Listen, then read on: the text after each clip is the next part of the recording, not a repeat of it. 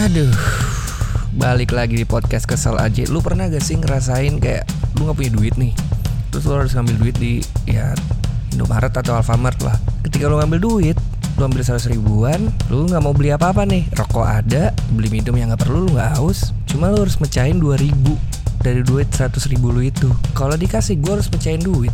Emang dia punya kembalian? Enggak kan? Kalau nggak dikasih ya ngambek. Ya lah bang, bang. Nggak dikasih, pokoknya kenceng. Pelit. 2000 doang sih. Udah bah.